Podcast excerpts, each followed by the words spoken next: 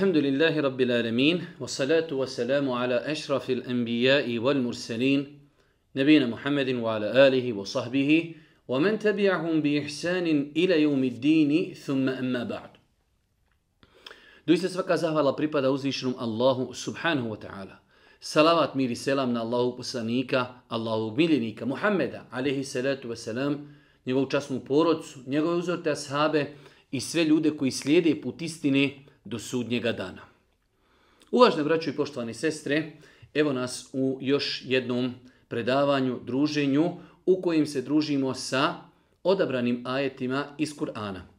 Za one koji ne znaju, mi smo u mjesecu Ramazanu, u prvih deset dana mjeseca Ramazana, družili se sa odabranim ajetima iz Kur'ana. Svake večeri smo komentarisali probrani i određene ajete iz jednog džuza. Pa smo za deset dana komentarisali određene ajete iz deset džuzeva. Prošle sedmice smo imali predavanje u kojem smo se družili sa odabranim ajetima iz 11. džuza. Večeras, ako Bog da, se družimo sa odabranim ajetima iz 12. džuza. Odnosno, bolje kazano, pošto sada nam već dolazi sure gdje nam je veoma teško E, držati taj redoslijed džuzeva, pa ćemo nekada kada budu malo veće sure držati se redoslijeda sura. Pa večera se družimo sa odabranim ajetima iz sure Hud koja se nalazi u 12. u 12. džuzu.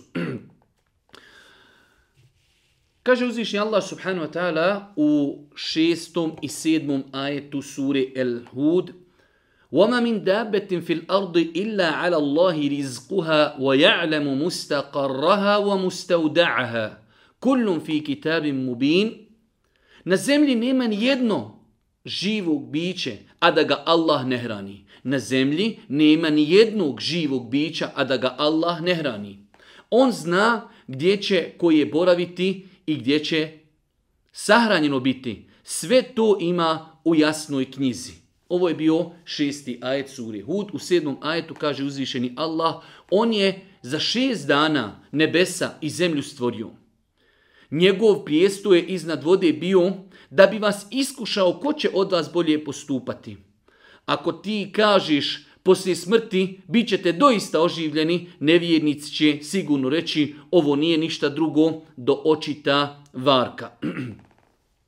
Dva ajeta iz sure Hud, šesti i sedmi ajet, koji doista nosi u sebi mnogo, mnogo pouka i mnogo, mnogo poruka. Mi smo kazali, braćuma, dragi i sestre, da nam je cilj, družeći se sa ovim odabranim ajetima iz Kur'ana, da jednostavno ljudima otvorimo oči, da im Kur'an približimo, da im jednostavno ukažemo o čemu to sve govori Kur'an. Jer postoji velik broj ljudi koji nikada u životu nisu dotakli Kur'an, nikada u životu nisu otvorili Kur'an, pa jednostavno kroz ova predavanja želimo da ljudima približimo tu kuransku pouku i poruku da jednostavno ljudi znaju šta je to Kur'an i kakve različite teme tretira Kur'an. Pa u ovom šestom ajetu kaže uzvišeni Allah na zemlji nema ni jednog živog bića, a da ga Allah ne hrani. Jedna velika kuranska teza, jedna velika istina da ne postoji na nebesima, ni na zemlji, ni jedno živo biće, a da mu na faku rizk ne daje uzvišeni Allah subhanahu wa ta'ala. Svakako, mi vjernici kada pročitamo ovakav ajet, svakako možemo uzeti mnogo drugih koristi koje su indirektne. A to je i mi potpadamo pod sav taj svijet kojim je uzvišeni Allah garantovao rizk i na faku. Zašto ovo govorimo? Govorimo iz razloga što velik broj ljudi kada zapostavi određene, određene naredbe, imperative vjeri, ostavlja ih pod izgovorom sticanja na faki. Pa je, braću, moja draga i sestre, nelogično da čovjek trči za faku koju daje njegov gospodar, a zaboravju i ostavio naredbe koje je njemu njegov gospodar naredio.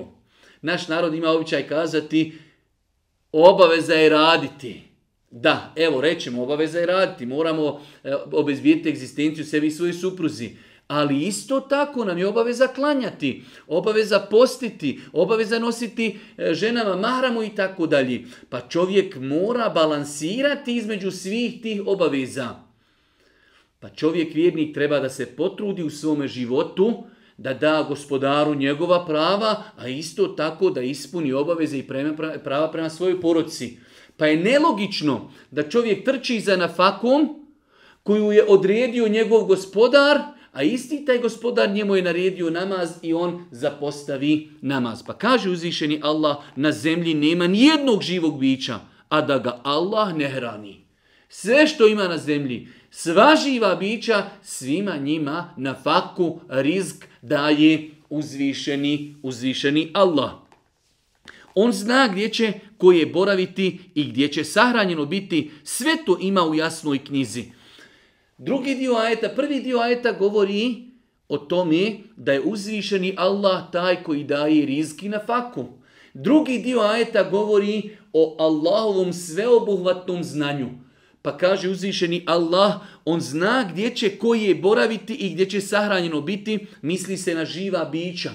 Zna gdje koji boravi, iako ova dva kuranska ajeta وَيَعْلَمُ مُسْتَقَرَّهَا وَمُسْتَوْدَعَهَا Imam, e, odnosno, e, Besim Korkuti je preveo na ovaj način, iako postoji i drugi načini prijevoda, odnosno drugi tefsiri ovog kuranskog ajeta, ali generalno svi ti tefsiri opet idu u pravcu da uzvišeni Allah zna stanje svega što je na planeti, svih živih bića i gdje se krijeću i gdje su zanočili i gdje će umrijeti i gdje će biti ukopani. To je pojenta ovog kuranskog ajeta da sva živa bića kojima je Allah propisao na faku, Allah zna gdje se ona krijeću, on zna šta radi, on zna gdje će zanočiti, on zna gdje će na kraju krajeva i umrijeti jedno sveobuhvatno znanje uzvišenog Allaha. Pazite na planeti koliko je živih bića, koliko je samo ljudi, koliko je ptica, koliko je životinja, koliko je insekata, koliko je riba, nešto, nešto, nešto, znači ljudski mozak staje, ljudski razum tu staje, sve to zna uzvišeni Allah subhanahu wa ta'ala, pa kada insan shvati ove činjenice da uzvišeni Allah sve zna, zna šta mi radimo, šta mislimo, kako se ponašamo, zna našu iskrenost, koliko smo iskreni, koliko smo licemjerni, koliko e, zaista mi možemo i hoćemo, sve uzvišeni Allah zna, takve stvari čovjeku otvaraju vidike, daju mu pravu prijestavu ko je njegov gospodar uzvišeni Allah. Kaže uzvišeni Allah na kraju ovog ajta, sve to ima u jasnoj knjizi. Mi znamo, spominjali smo više puta, da uzvišeni Allah subhanahu prvo što je stvorio, stvorio je pero, stvorio je kalem, stvorio je olovku koja je zapisala šta će se desiti sve, znači od početka pa do kraja, do sudnjega dana. U sedmom majetu kaže uzvišeni Allah, on, uzvišeni Allah je za šest dana nebesa i zemlju stvorio. Uzvišeni Allah je stvoritelj zemlje i nebesa na desetine mjesta, ako ne i viši u Kur'anu, Allah Žiršanu jasno daje do znanja svojim robovima. On je taj koji stvorio zemlju i nebesa. Nije to nastalo samo po sebi, nije to majka priroda, već je to stvorio uzvišeni Allah.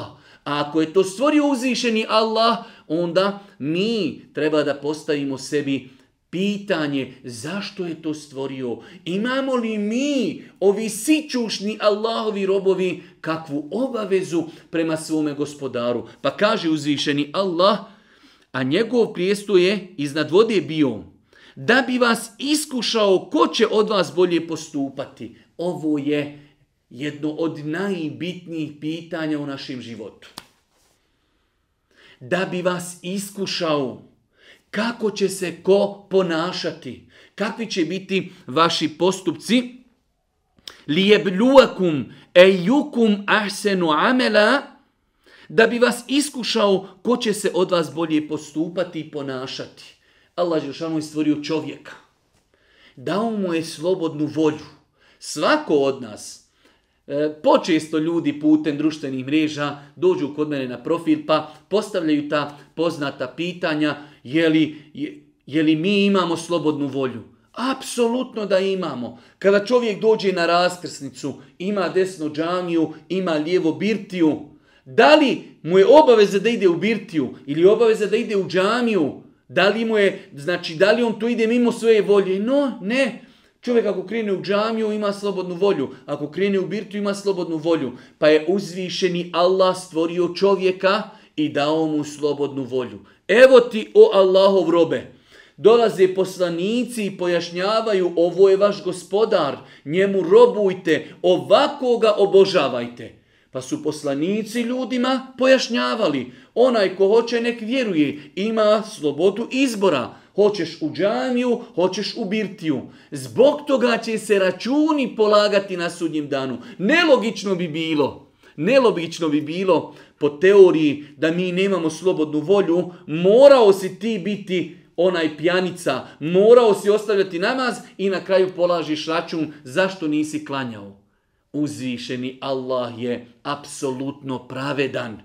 To je veliki zulum i nepravda. O moj robe, ti tebi je ti, znači, si stvoren da ne klanjaš i onda polažiš račun zašto ne klanjaš. Nelogično. Pa je Allah Žešanu stvorio ljude, ostavio im slobodnu volju, a nakon toga će i polagati račune. Pa je ovaj ajet jedan veličanstven ajet u suri Hud. Imamo takav ajet e, imamo taka dva ili tri ajeta koja znači e, isto pitanje tretiraju još u Kur'anu, pa je ovo jedan veličanstven ajet koji nam pojašnjava zašto smo mi stvoreni. Mi smo stvoreni da robujemo Allahu, mi ćemo umrijeti, mi ćemo biti proživljeni, mi ćemo račune polagati da bi se vidjelo kako je ko se ponašao na, na Dunjaluku. Kaže uzvišenje Allah na kraju ovog ajeta, ako ti rekniš, poslije smrti bit ćete doista oživljeni, nevjernici će sigurno reći ovo nije ništa drugo do očita, do očita varka ili ovo je jasan sihr. Ako ti Muhammede ljudima rekniš, ljudi bit ćete proživljeni, ljudi bit će sudnji dan, oni će kazati, ma ovo je, ovo je sihribaz, ovo je sihr. Nažalost, velik broj ljudi koji se deklarišu kao muslimani, Danas, kada mu govorite o sudnjem danu, kaže, a ko je se od otuta vratio, pa nam je uzvišeni Allah na više mjesta e, spomenuo tu tezu i spomenuo odgovor na isto pitanje. Nakon toga,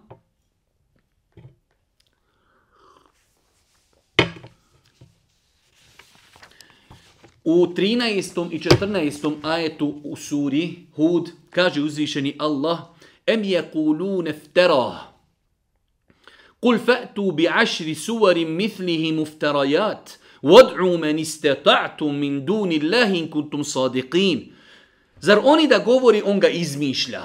Zar oni da govori, on ga izmišlja, Muhammed selam izmišlja Kur'an.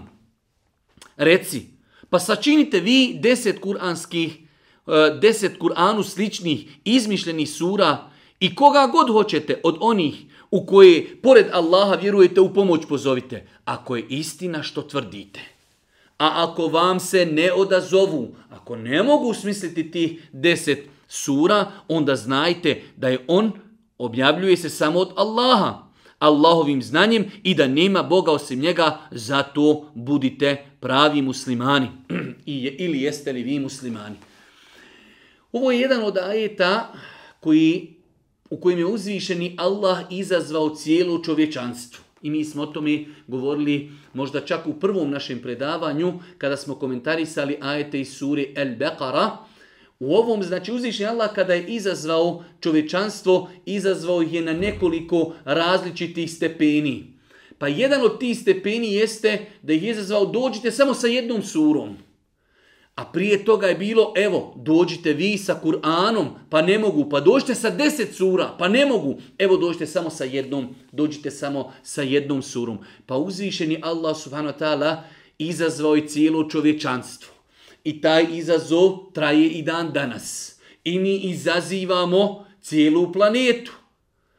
Izazivamo i dođite, evo izazov. Smislite vi jednu suru koja liči kuranskim surama a neće moć. I zovite, kaže, koga hoćete i da se udruži ljudi i džini. Ne mogu. Zašto? Jer smo mi ograničeni. Ovo je govor uzvišenog Allaha subhanahu wa ta'ala. To je najveća muđiza Muhammeda alihi salatu wasalam, Kur'an. Allahov savršeni govor.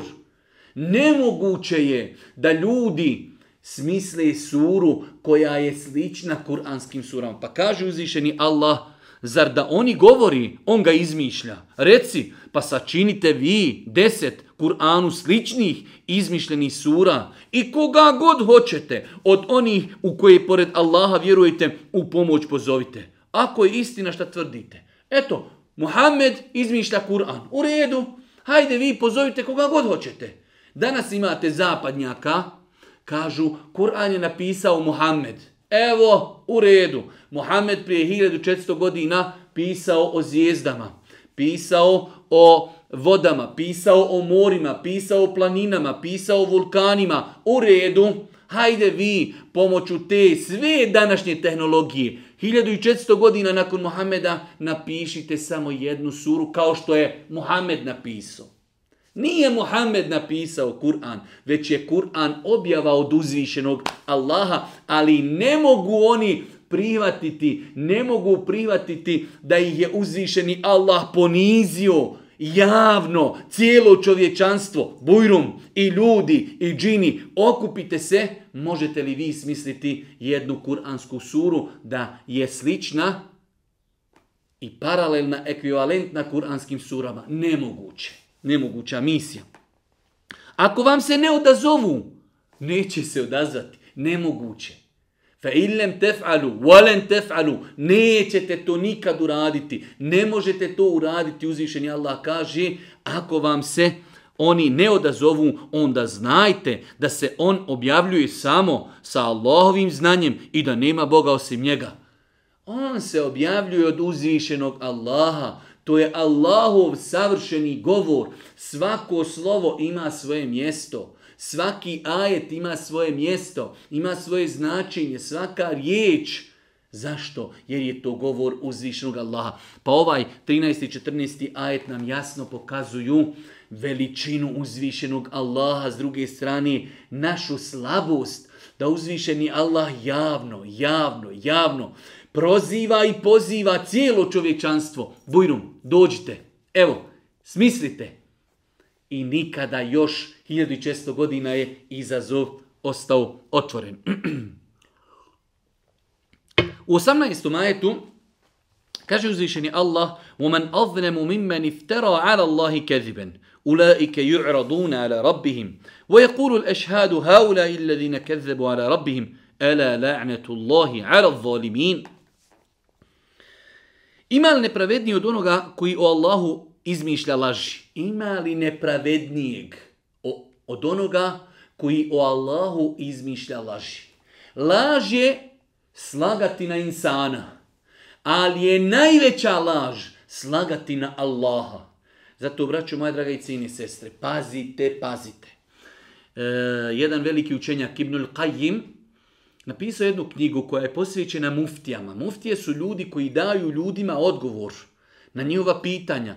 Tu knjigu je naslovio, naslov je I'lamul ar-rabbil Potpisnici ispred uzvišenog Allaha. Insan kada govori o vjeri, on govori ispred Allaha. Zato je mnogo bitno da čovjek pazi šta govori. Evo mi smo neki dan imali jedan post na Facebooku o poligamiji. Prije toga smo imali jedan post u kojem smo govorili o propisima da čovjek ima psa, pudlicu kao kućnog ljubimca. Gdje se vidi koliko smo mi zreli, odnosno nezreli. Kada ljudima citiraš ajet, citiraš hadis i čovjek kaže ali ja mislim, ja se ne slažem sa tim, po mom mišljenju taj propis nije i tako dalje. Čovjek treba da pazi kada govori o vjeri.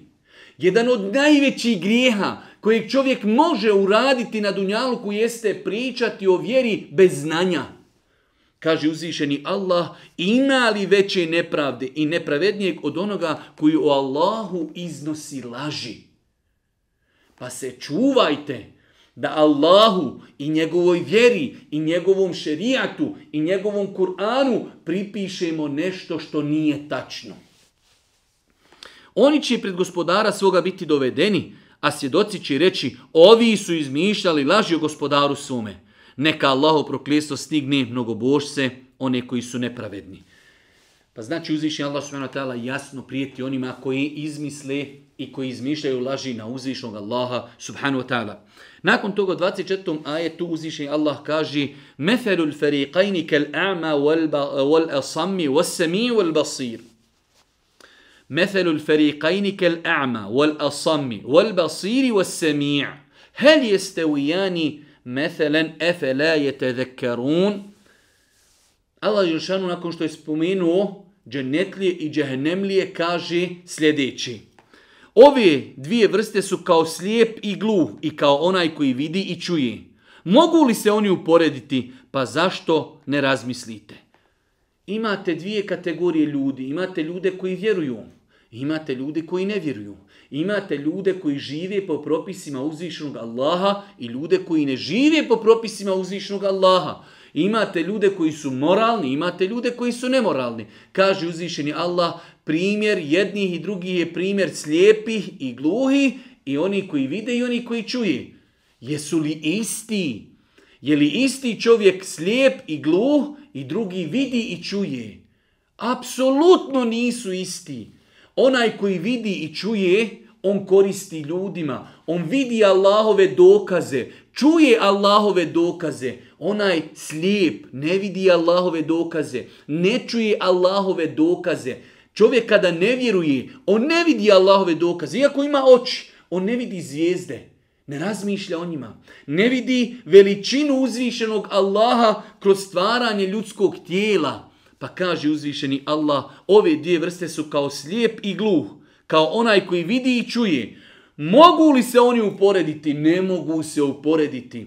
Moralan, nemoralan. pokuran, nepokuran, Vjernik, nevjernik.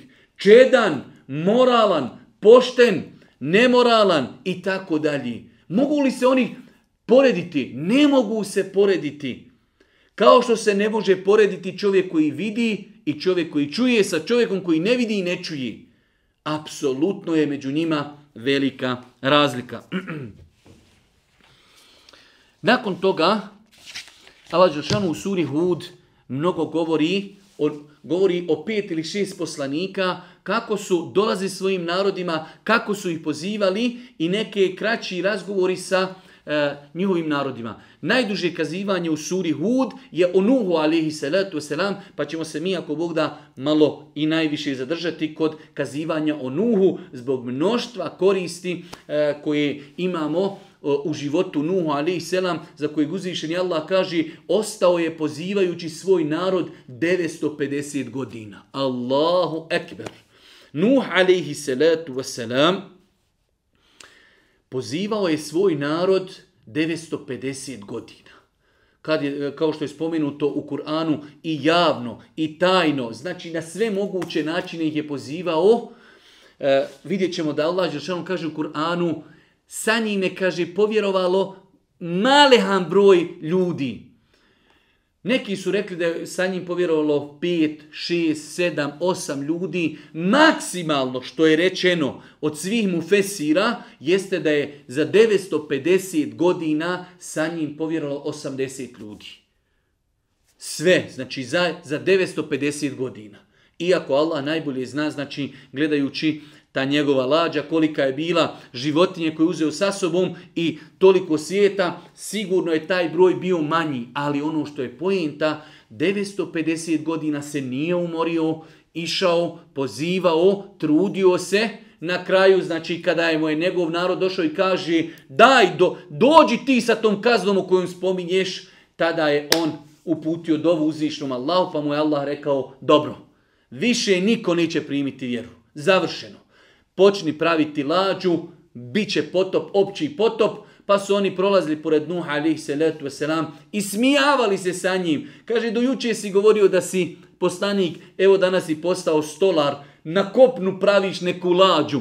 Znači, smijavali su se sa njim, a on im je samo govorio, ako se vi danas smijete nama, doći će vrijeme kada ćemo se mi smijati vama. Pa je život Nuh se salatu wasalam prepun, prepun koristi, pa ćemo se ako Bog da zadržati malo duži e, govorići o njemu i njegovom dijalogu sa njegovim sunarodnjacima. Pa kaže uzvišenje Allah subhanahu wa ta'ala وَلَقَدْ أَرْسَلْنَا نُوحًا إِلَى قَوْمِهِ وَلَقَدْ أَرْسَلْنَا نُوحًا إِلَى قَوْمِهِ إِنِّي لَكُمْ نَذِيرٌ مُبِينٌ أَلَّا تَعْبُدُوا إِلَّا اللَّهِ إِنِّي أَخَافُ عَلَيْكُمْ عَذَابَهِ يَوْمٍ أَلِيمٍ I Nuhu posla smo i Nuha posla smo narodu njegovu. Ja sam tu, govorio je on, da vas otvoreno opominjem. Da se ne klanjate nikome drugom e, sem Allahu. Ja se zaista plašim za vas patnje na nesnosnom danu.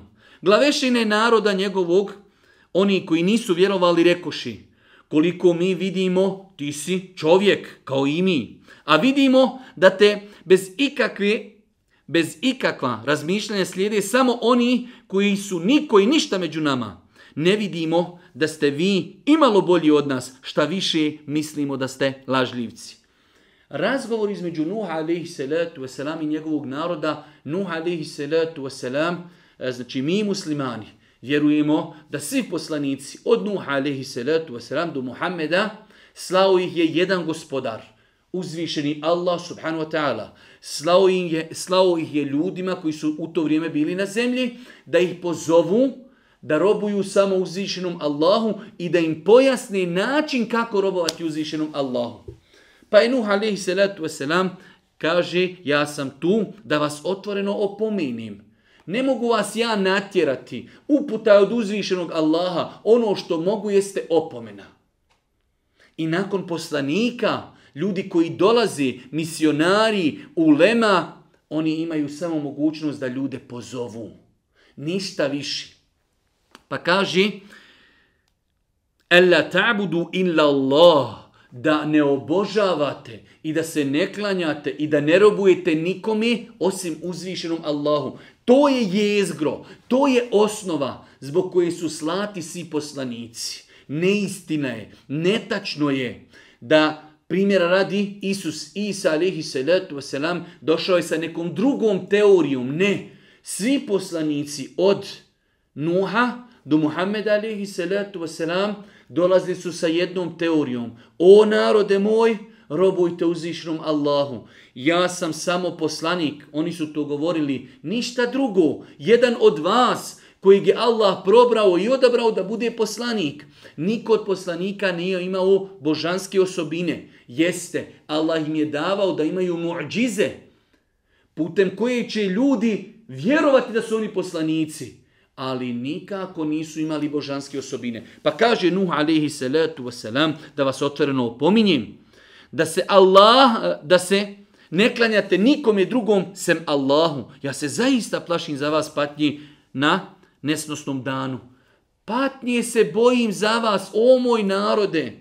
Ako ostanete u nevjerstvu, ako ostanete u grijesima, ako ostanete u kufru, ako budete nepokorni, bojim se, strahujem, kako ćete proći na danu polaganja računa?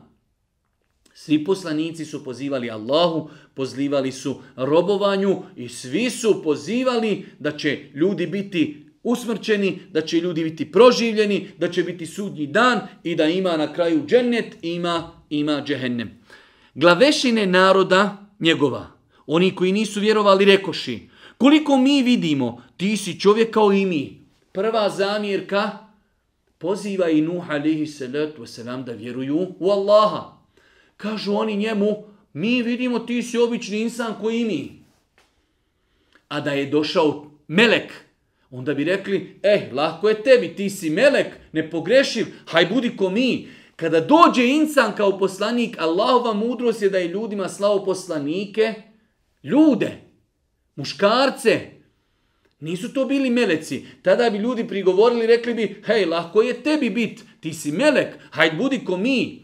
Pa je uzvišeni Allah ljudima slao muškarce, ljude iz njihovog naroda. Da to ne bude neko negdje sa strani, ne, neko koga oni znaju. Muhammed se salatu prije poslanstva su ga zvali El Amin, povjerljivi. I svi poslanici, njihove biografije su čiste, njihov narod ih zna samo po hajratima, po dobroti, po čednosti, po moralu. Kažu oni, ali mi tebe, vi ti si obični insan. Vidimo i da te bez ikakva razmišljanja slijede samo oni koji su niko i ništa među nama. Tako su oni vrednovali istinu. Slijedite ljudi koji su, znači, nevrijedni kod nas. Ama, znači, e, kod Allaha vrijednost ljudi je po njihovom odnosu prema Allahu. Da li je neko lijep, da li je neko ugledan, da li je neko bogat, to kod Allaha ne znači ništa. U većini slučajeva, ljudi koji imaju mnogo novca kroz historiju, kao Faraon, Haman i ostali, Karun, Teško je njima, teško je njima da povjeruju. Dok se uvijek taj, hajde kažemo, obični svijet lakše odazivao. Nema kibura, nema oholosti, vezuje se za Allaha. Pa oni kažu, mi vidimo da te slijedi taj neki obični narod, sirotinja i bijeda. Čuj da se mi pokorimo tebi, da budemo zajedno sa njima. Pa nastavljaju i kažu, prigovaraju, ne vidimo da ste vi imalo bolji od nas, šta više mislimo da ste lažljivci. Ovo sam želio samo da spomenim, da jednostavno vidimo kakav razgovor, kako je Nuh alihi salatu wasalam stvari redao, da ih je pozivao prvenstveno robovanje uzvišnom Allahu. I mi danas imamo jedan veliki problem, velik broj naših e, muslimana bošnjaka, da ne govorim o nemuslimanima, ima mnogo nejasnoća u pogledu vjerovanja, akideta, robovanja uzvišenom Allahu subhanahu wa ta'ala, pa je najbitnija stvar, stvar kojom su počinjali poslanici, o narode, robujte Allahu. O narode, vjerujte u Allaha. O narode, pokorite se uzvišenom Allahu subhanahu wa ta'ala pa je jedan od najvećih prioriteta u našem životu da se čovjek poduči ispravnom vjerovanju. Allah poslanik kada je slao Muaz ibn Džebela u Jemen, kaže Muaze, ti ideš narodu, oni su kršćani, oni su e, sljedbenici knjige. Prvo šta ćeš raditi, poziva ih da vjeruju u Allaha. Ako povjeruju, pozovi ih u namaz. Ako povjeruju, objasni im propise zekijata. Pa je najbitnija stvar ona stvar kojom su počinjali poslanici, a to je tauhid, monoteizam, ispravno vjerovanje u Allaha. Da li ispravno vjeruje insan koji nosa hamajliju? Insan koji čita horoskope, insan koji ima sujevjirja? insan koji baca kašike, koji gleda u filđane i tako dalje. Sve su to stvari koje su oprečne, kontradiktorne ispravnom vjerovanju u uzvišenog Allaha subhanehu wa ta'ala.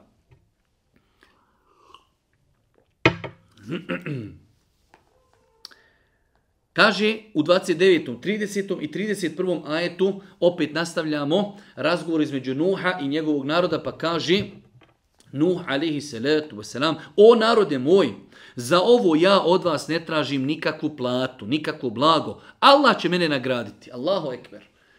Kao dokaz istinitosti on im nudi jedan i tekako bitan odgovor – Nekada ljudi misle ovo što nas on poziva želi od nas neku materijalnu korist. Ne.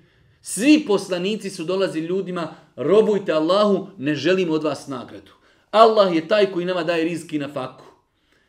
Jednostavno ne želeći da ljudima otvori vrata, da kaže ti ovo radiš samo da bi, da bi zaradio, da bi stekao. Ne. Nagrada moja je kod uzvišenog Allaha subhanahu wa ta'ala. O narode moj, za ovo što vas ja pozivam, ja od vas ne tražim blago. Allah će mene nagraditi. I ja neću otjerati vjernike. Oni će pred gospodara svoga izaći. Ali ja vidim da ste vi narod koji ne zna. Kaže Nuh selam, odgovara im. Traže oni da ostavi tu bjedu pa ćemo se mi pridružiti. Ne mogu ih ja, kaže, ostaviti. To su ljudi koji vjeruju i oni će biti usmrćeni, oni će biti proživljeni, oni će stati pred, pred svoga gospodara. Šta ću ja reći svome gospodaru ako bi ja otjerao te ljude? Moje je da pozivam, ko će se odazvati? Kao što su Muhammedu alihi salatu wasalam govorili, odrekni se Bilala, odrekni se Suhejba, gdje mi možemo kurejše sjediti sa robovima? Oni su dojuče bili robovi, nama iz poniženja. Nama nije iz poniženja. To je islam i to je jedna velika odlika islama i o tome smo govorili više puta. Inne ekramekum indallahi etkakum. Kod Allaha su najbolji oni koji ga se najviše boji. Pa je to ljepota islama. Nema rasne diskriminacije. Može čovjek biti crn, može biti bijel, može biti siromašan, može biti ugledan u islamu da ne vrijedi ništa, a isto tako može da kod Allaha vrijedi mnogo, mnogo više nego što ljudi misle i znaju. Pa se znači u islamu stvari ne gledaju po vanjštini, gleda se čovjekova vjera, čovjekovo srce i čovjekovi svakako postupci. Allah poslani kaže, Allah ne gleda u vašu vanjštinu. Neko je crn, neko je bijel, neko je debel, neko je krupa, neko je ovakav, neko je onakav ali Allah, kaže, gleda u vaša srca i u vaša dijela. Obavezno dijela. Mi dosta puta kažemo čisto mi srce, u redu. Fali nam još dijela. Fali nam još djela. Pa nastavlja Nuh se salatu sami kaže, o narode moj, ko bi me od Allaha odbranio kada bi ih ja otjerao? Zašto se ne urazumite? Ko bi mene od Allaha odbranio ako ja tu bijedu sirotinju otjeram od sebe? Kažem, ne želim da slijedite. To je, alhamdulillah, pa ih uzvišeni Allah uputio, pa ih spasio patnje džehennema. Ja vam ne kažem, u mene su Allahove riznice, niti meni je poznata budućnost, niti kažem ja sam melek. Tri veoma bitne stvari, on ih negira od sebe. Kaže, ja vama ne govorim da su u mene Allahove riznice. Allah je taj koji daje na faku niti kažem da znam budućnost. Allahu ekber. Nuh alaih selam kaže svom narodu, ja vama ne kažem da znam budućnost. Budućnost zna samo Allah. Allah Žešanu kroz Kur'an govori Muhammed a.s. ne zna budućnost. Ne zna gajb niko osim Allah. I onda vam dođe neko, nepismenom našem narodu, dođe nam turabi i prodaje nam vodu. Dođu nam eh, gatare, dođu nam e, ovi koji pišu horoskope i ljudi čitaju, ljudi se natječu. Nuh alaih selam kaže ja vam ljudi ne kažem da znam budućnost, ne znam budućnost. Niko ne zna budućnost osim uzvišeni Allah, ali mi nepismeni, neškolovani, možeš nam prodati, možeš nam prodati maglu. Možeš nam prodati maglu. Pa kaži, ja vam ne govorim da sam melek, ja, obični insan, živim s vama, pozivam vas uzvišenom Allahu subhanahu wa ta'ala. nakon toga, nakon toga, 32., 33., 34. i 5. ajet, razgovor i dalje između Nuh alaihi salatu wasalam njegovih sunarodnjaka, pa kažu, o Nuhu, rekoše oni, ti si želio da se s nama raspravljaš i dugo si se raspravljao. Daj neka se ostvari ono čime nam prijetiš ako istinu govoriš. To će vam, se, to će vam učiniti samo Allah ako bude htio, reče on. I vi nećete moći umaći. Ako vas Allah hoće ostaviti u zabludi, neće vam e, savjet moj koristiti, ma koliko vas ja želio savjetovati. On je gospodar vaš i njemu ćete se vratiti. Ljudi Toliko su se ismijavali sa Nuhom alaihi salatu wasalam, kažu dobro, eto ti prijetiš, ima neka kazna, ako ne budemo vjerovali, daj, nek se obistini ta kazna. Opet Nuh alaihi salatu wasalam kaže, to će se desiti ako Allah tjedni. Ja nemam sad tim ništa, ali kada su, što bi rekao, kap prelila čašu, kada su ga toliko isprovocirali, on je uputio do, dovu uzvišenom Allahu, pa je uzvišeni Allah rekao dosta. Od ovog momenta više niko vjerovati neće. Počni spremati lađu, pravi lađu, svi oni koji ne budu vjerovali, svi će biti potopljeni.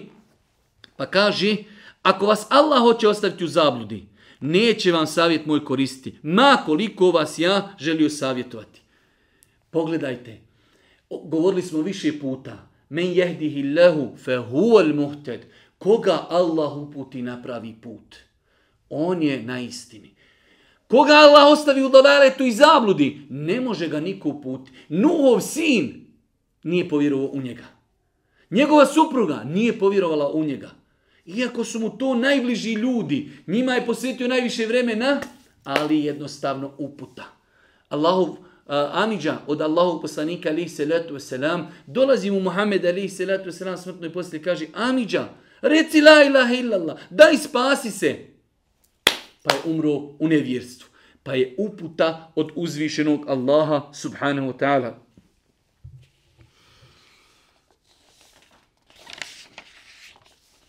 Nakon što smo spomenuli nekoliko samo rečenica koji su mnogo interesantne kao razgovor između Nuha alaihi salatu wasalam njegovog naroda, nuha alaihi salatu wasalam se obratio svome gospodaru protiv svoga naroda. kada su ga u jednu ruku, da kažemo, isprovocirali, kada su se ismijavali sa njim, pa uzvišeni Allah kaže وَأُوحِيَ إِلَى نُوحٍ أَنَّهُ لَنْ يُؤْمِنَ مِنْ قَوْمِكَ إِلَّا مَنْ قَدْ آمَنْ فَلَا تَبْتَئِسْ بِمَا كَانُوا يَفْعَلُونَ وَاصْنَعِ الْفُلْكَ بِأَعْيُنِنَا وَوَحْيِنَا وَلَا تُخَاطِبْنِي فِي الَّذِينَ ظَلَمُوا إِنَّهُمْ مُغْرَقُونَ وَيَصْنَعُ الْفُلْكَ وَكُلَّمَا مَرَّ عَلَيْهِ الْمَلَأُ min qawmihi sakhiru min, qala in tesharu minna, inna nesharu minkum kema tesharun, i Nuhu bi objavljeno. Osim oni koji su već vjernici, niko više iz naroda tvoga neće vjernik postati. Zato se ne žalosti zbog onoga što oni stalno čini. I gradi lađu pred nama i po našem nadahnuću. I ne obraćaj mi se više zbog nevjernika. Oni će sigurno biti potopljeni. I on je gradio lađu. I kada god bi pored njega prolazili glavešine naroda njegova, rugali bi mu se. Ako se vi rugate nama, govorio je on, rugat ćemo se i mi vama onako kako ste se vi rugali nama i saznaćete zaista koga će snaći samna kazna i ko će u vječnoj muci biti. Pogledajte Allahovi pravdi kada, kada su ljudi počeli da ismijavaju njega, kada su počeli tražiti daj nek dođe Allahova kazna, Nuh alihi salatu wasalam, pozivajući 950 godina, podiži ruke i dovi protiv svoga naroda.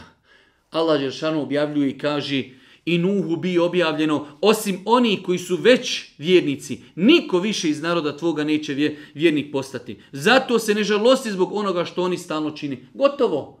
Završena stvar. Onaj ko vjeruje, vjeruje. Onaj ko ne vjeruje, ne, nemoj da te više žalosti. Završeno. Imali su mnogo vremena da se odazovu uputi uzvišnog Allaha subhanahu wa ta'ala i gradi lađu pred nama i po našem nadahnuću i ne obraćaj mi se više zbog nevjernika, on će sigurno biti potopljen. Zaista, pogledajte šta znači poslanička misija, šta znači vjera u Allaha, šta znači ubjeđenje. Allah Želšanhu naređuje Nuhu alihi salatu wasalam da gradi lađu. Danas nama neko tu rekni, pa zašto, pa kako, pa nema vode, pa šta će biti, stotinu nekih pitanja, kao što imamo pitanja kada nam neko kaže e, onaj ko drži psa, a nema potrebe za tim psom, da će mu svakim danom umanjivati nagradu kirat. Kao jedno veliko brdo. A zašto? A kako? A može li pred kućom? I tako dalje. Kada spomenimo ajete o poligamiji, a ja znam jednog, a ovaj u radiju, to nije za ovo vrijeme i tako dalje. Nuhu alihi salatu wasalam, Allah naređuje, pravi lađu. Završeno. Počinje odmah da pravi lađu po Allahovim subhanu wa ta'ala instrukcijama i naređenju. Pokornost apsolutna. Pa kaže uzvišeni Allah i gradi lađu pred nama i po našem nadahnuću i ne obraćaj mi se više zbog nevjernika, oni će sigurno biti potopljeni. I on je gradio lađu. Zamislite, treba napraviti jednu ogromnu lađu koja će moći pretrpjeti opći potop planeti, koja će moći pretrpjeti znači ogromne valove. Nuh selam treba da napravi lađu na kojoj će biti parovi svih životinja i njegovi vjernici i on i porodica. On to pravi, treba vremena da se to napravi, a prolaze pored njega ljudi koji pozivaju Allahu. Pa se oni ismijavaju jer oni ne vjeruju. Oni ne vjeruju. Ko što dođe kod nas čovjek i kaže ko je se otuda vratio. Ljudi ne vjeruju. Nuh ali nam apsolutno pokoran, apsolutno ubijeđen, vjeruje u gospodara, pravi lađu u kojoj će se spasiti on i oni koji vjeruju. Kaže, ako se vi smijajte s nama, i mi ćemo se ismijavati s kao što ste se i vi s nama ismijavali. Kada dođu valovi, tada ćemo se mi ismijavati s Kada bude na sudnjem danu, kada bude rečeno u džehennem, tada ćemo se mi ismijavati s kao što se mi sada, vi s nama ismijajte, mi pravimo lađu na suhom. Nakon toga, nakon toga u 40. i 41. ajetu kaže uzvišeni Allah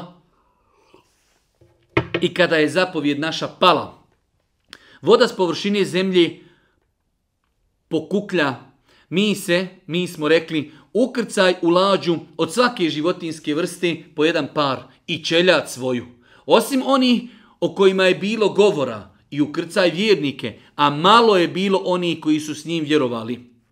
Voma amene mahu illa qalil. I on reče, ukrcajte se u nju u ime Allaha, neka plovi i neka pristani, gospodar moj u istinu prašta i samilostanje. Kada je došla Allahova odredba, Allahov emr, naređenje, وَثَارَتَ nur, jedan kuranski izraz izuzetno čudan, i mufesiri su se oko njega dosta razilazili. Šta znači? Kaže, voda je počela da izlazi iz svih dijelova zemlji. Čak kažu ova riječ etenur, ona znači u arapskom pečnica. Iz pečnica su počele kukljati izlaziti voda. Allahu ekber. Kada samo dođe Allahov emer, kada dođe Allahova naredba, Voda je počela iz zemlje i nebesa da dolazi. Opći, opći potop. Počet sada Nuhova lađa da teče, kaže uzvišeni Allah subhanahu wa Ukrcaj u lađu od svake životinske vrste po jedan par i čeljad svoju. Ukrcaj čeljad, onu koju čeljad, onu koju su vjerovali. Vidjet ćemo poslije da Nuh selam je pitao gospodara za svoga sina, ali ukrcaj u lađu svoju oni koji su vjerovali, ukrcaj vjernike da se spasi Allahovom, Allahovom odredbom. Kaže i oni koji su vjerovali, a malo je bilo oni koji su s njim vjerovali.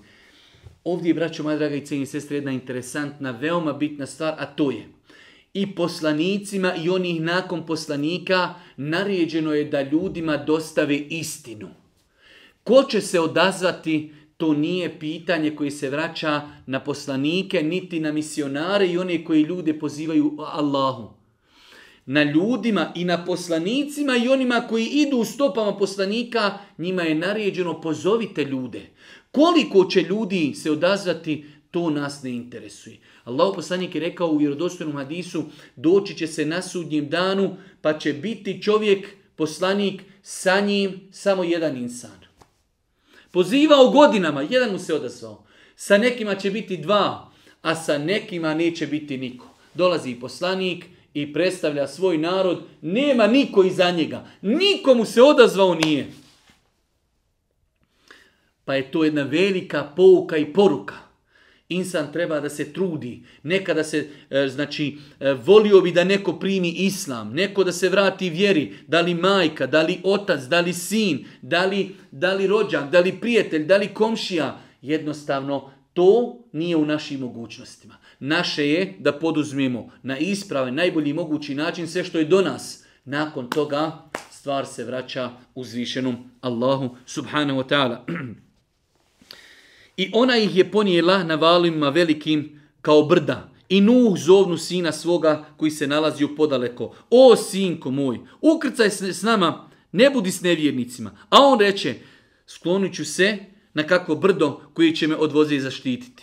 Niko danas Allahovi kazni neće pošteđen biti, osim onoga kome se on uzvišeni Allah smiluje. Reče Nuh i vali ih razdvoji i on potopljen bi razgovor veoma interesantan između Nuha i njegovog sina. Kada je vidio sina, kaže, Irke mana, hajde spasi se. Ne, ne, kaže, ja ću otići na jedno brdo, gore ću se sklonuti. Allahu ekver. Do zadnjeg momenta ne želi da se pokori, do zadnjeg momenta ne želi da posluša svoga oca. Pa kaže, pa je se između njih ispriječio jedan veliki val, pa je njegov sin bio potopljen pa je njegov sin bio potopljen. Kaže u 45. do 49. ajeta a je bio, e, a je bio zamolio gospodara svoga i rekao gospodaru moj, sin moje, je čeljade moje, a obećanje tvoje je zaista istina i ti si od mudrih najmudriji. Gospodaru moj, ti si mi obećao moja čelja da se ukrcaju sa mnom. Allah Đelšanu ga koriji. Vidiš da se nije pokorio, vidiš da ga ti zoveš, neće. Nemoj, kaže, da me tražiš od mene ono o čemu znanja nemaš. Pa kaži, o Nuhu, on nije čeljade tvoje, rekao je Allah.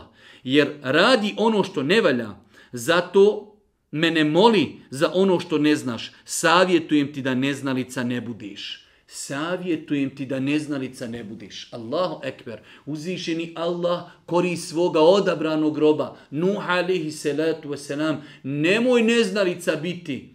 Nažalost, velik broj muslimana danas ne zna ovu činjenicu. U Kur'anu i sunnetu Božijeg poslanika džehl, neznanje, je uvijek spomenut u negativnom kontekstu. Nemoj o Nuhu da neznalica i džahil da budeš. Nemoj da tražiš ono što ne treba da tražiš. Nije to tvoje čeljade, nije uzvjerovao. Svi koji nisu povjerovali će biti potopljeni. Allahov sunnet, Allahov adl, Allahova pravda. 950 godina ih pozivaš, neće, ismijavaju se. Dolazi pravda, dolazi dunjalučka, dolazi dunjalučka kazna. gospodaru moj, reče Nuh, tebi se ja utječem da te više nikada ne zamolim za ono što ne znam. Ako mi ne oprostiš i ne smiluješ se, bit ću izgubljen. Pogledajte pokornosti. Radi se o djetetu, ali apsolutna pokornost gospodaru. Kajem se, vraćam se, pokoravam se. Molim te da mi oprostiš moje neznanje. Kaže uzvišeni Allah, to su nepoznate vijesti koje ti mi objavljujemo. Ni ti, ni narod tvoj. Niste prije ovoga ništa znali. Zato budi strpljiv, ishod će zaista u korist čestiti biti. Fasbir innel aqibete lil Allah nakon što je ispričao događaj o Nuhu i njegovom narodu da je Nuh alaih salatu wasalam ostao među njima 950 godina, kako ih je pozivao, kako je se spasio, nakon toga Allah Đelšanu objavljuje Muhammedu alaih kaže Fasbir, strpi se, Vidi šta je Nuh a.s. predvero sa svojim narodom. 950 godina strpljivo pozivao narod Allahu poziva u pokornosti, strpi se Muhammede i ti, kao što se strpio Nuh alaihi salatu wasalam, i neka se strpi na tom putu svi oni koji budu išli putem poslanika i pozivali narod Allahu, strpi se, doista je završnica, konačni znači cilj i konačni rezultat je u korist bogobojazni oni koji vjeruju, oni koji su pokorni uzvišenom Allahu subhanahu wa ta'ala.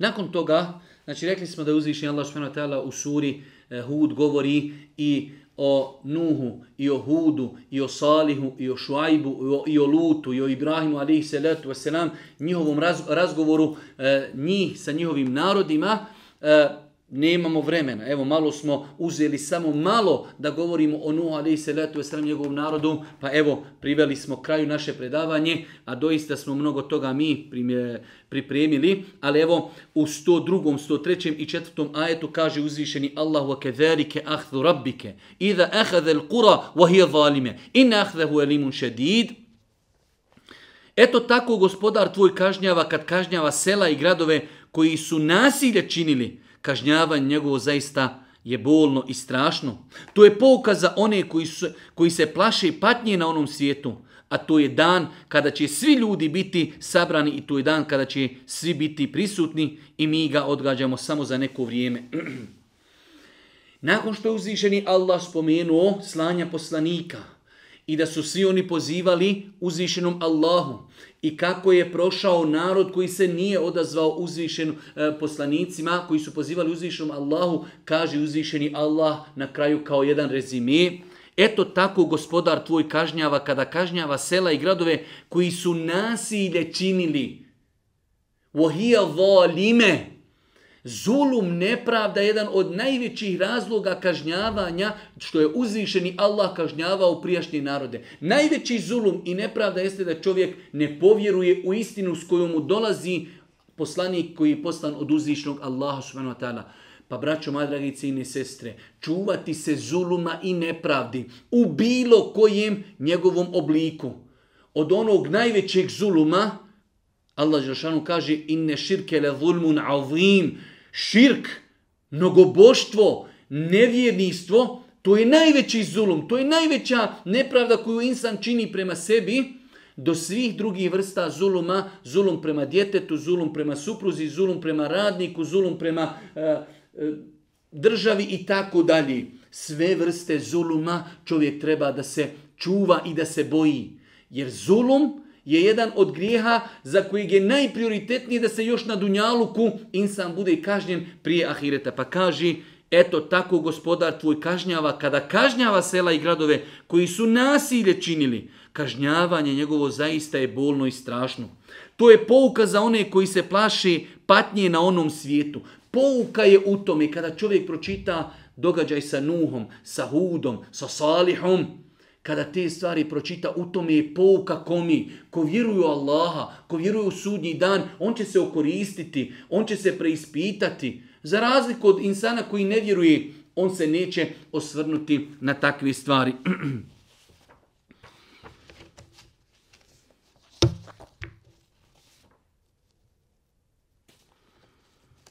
Nakon toga u 105., 6., 7. i 8. ajetu Allah Žešanu govori o sudnjem danu i govori o dvije vrste ljudi. Mnogo interesantno i mnogo bitno. Imamo sretni i imamo nesretni. Imamo sretni koji odoše živet, u, uživati u džennet i vječno će u njemu ostati. I imamo nesretni. Najveći nesretnik, zapamtite braćo moja dragi i sestre, jeste onaj je bude određeno da bude kažnjen u džehennemu. Mogao je na Dunjaluku imati kule i gradove. Ako mora ne provesti jednu sekundu samo u džehennemu. To je najveći nesretnik. Kaže Allah poslanik ali se letu nam doći će se na sudnji dan pa će se dovesti čovjek koji je uživao, imao najveća uživanja Dunjalučka, ali nije bio pokoran. Pa će ga uvesti u džehennem, zamočiti ga i izvaditi ga, sekundu. Pa će ga pitati, pa će reći, ja rab, Ništa lijepo u životu nisam doživio. Zaboravit će sva dunjalučka uživanja zbog jedne sekunde u džehennemu. Braćo, moja draga i sestre, da se dobro prisjetimo ovog hadisa Allahog poslanika. Nemojte sebi dozvoliti da zbog šake dunjaluka budemo nepokorni Allahu, da ostavimo namaz, da ostavimo mahramu, da ne postimo, da budemo u kladionicama, da činimo nemoral, da pijemo alkohol, sve će to čovjek zaboraviti. U jednoj sekundi boravka u džehennemu. Jer je vatra džehennema 70 puta jača od dunjalučke vatri. Pa kaže uzvišeni Allah, onoga dana kada dođe i nastupi sudnji dan, bez dopuštenja Allahova niko ni riječ neće izusti, a među njima će biti nesretni i sretni. Kada nastupi sudnji dan, niko riječi neće smit progovoriti bez dozvole uzvišenog Allaha. I bit će, kaže, ljudi sretni i ljudi nesretni. Najveća sreća je da Allah kaže svome robu, ja, o moj robe, oprošteno ti je, idi uđi u džennet. A najveća nesreća je, nakon dunjalučke nesreći, jeste da neko bude bačen u vatru džehennema. Pa kaže uzvišeni Allah i nesretni će u džehennem. U njemu će teško izdisati i udisati. Dok je nebesa i zemlje u njemu će ostati. Osim ako drugačiji gospodar tvoj ne odredi. Gospodar tvoj zaista radi ono što želi. Ostaće vječno u džehennemu vječno u džehennemu, kao što kaže se u Surijan Nisa, kada im izgore jedne kože, Allah će dati druge kože, da osjeti patnju, da osjeti azab. Neko će reći, pa kako? O Allahov robe, jesi li imao mogućnost, jesi li čuo ezan, jesi li slušao, jesi li znao, zašto se nisi pokorio? Allahova pravda je apsolutna. Pa kaže uzvišeni Allah, a sretnići u džennet. Dok je nebesa i zemlji, u njemu će boraviti. Osim ako drugačiji gospodar tvoj ne odredi, bit će to dar koji će neprekidno trajati. Allahu ekber. Najveći uspjeh, najveća sreća jeste da insan zasluži Allahov rahmet, Allahovu milost, Allahov oprost. Ne može se, braćo moja draga, zaslužiti Allahov oprost, Allahova milost na lijepe oči, već se može zaslužiti pokornošću, iskrenošću, namazima, postom, sadakom, zekijatom, izbjegavanjem harama, čuvanjem očiju, čuvanjem jezika, čuvanjem spolnog organa, pokornošću, očekivati Allahovu milost, očekivati Allahov rahmet. Kako ljudi, kako se ne stidi, kako ih je šetan tako zavarao, osnovne temelje Islama smo poljuljali, nemamo namaza nemamo zekijata, nemamo posta, nemamo hađa, nemamo mahrami, po cijeli dan u kladioncama, u alkoholu, u bludu. I onda ljudi kažu, očekuju džennet, očekuju nagradu. Zbog čega? Kako? Pa braću moja draga, ne zaboravimo ovaj ajet. Ljudi se dijeli u dvije kategorije, sretni i nesretni. Sretan je onaj kom je Allah oprosti. Sretan je onaj ko zasluži džennet. Sretan je onaj ko bude gledao u lice svoga gospodara. Sretan je onaj ko bude u društvu sa poslanicima. Nesretan je onaj, bez obzira kako Dunjalu proživio, onaj ko bude kažnjen u džehennemu onaj ko bude kažnjavan vatrom džehennema. Molimo uzvišnog Allah subhanahu ta'ala da nas učesti na putu istine, molimo ga subhanahu ta'ala da nam bude milostiv na sudnjem danu, molim ga subhanahu ta'ala da naša prsa i naša srca otvori ka islamu, da nas učini od ljudi koji će, ako Bog da, zaslušiti Allahovu rahmet i njegovu milost i na kraju, subhanake Allahumma da bihamdike, ešhedu in la ilaha illa ente stagfiruke, ve etubu ilike.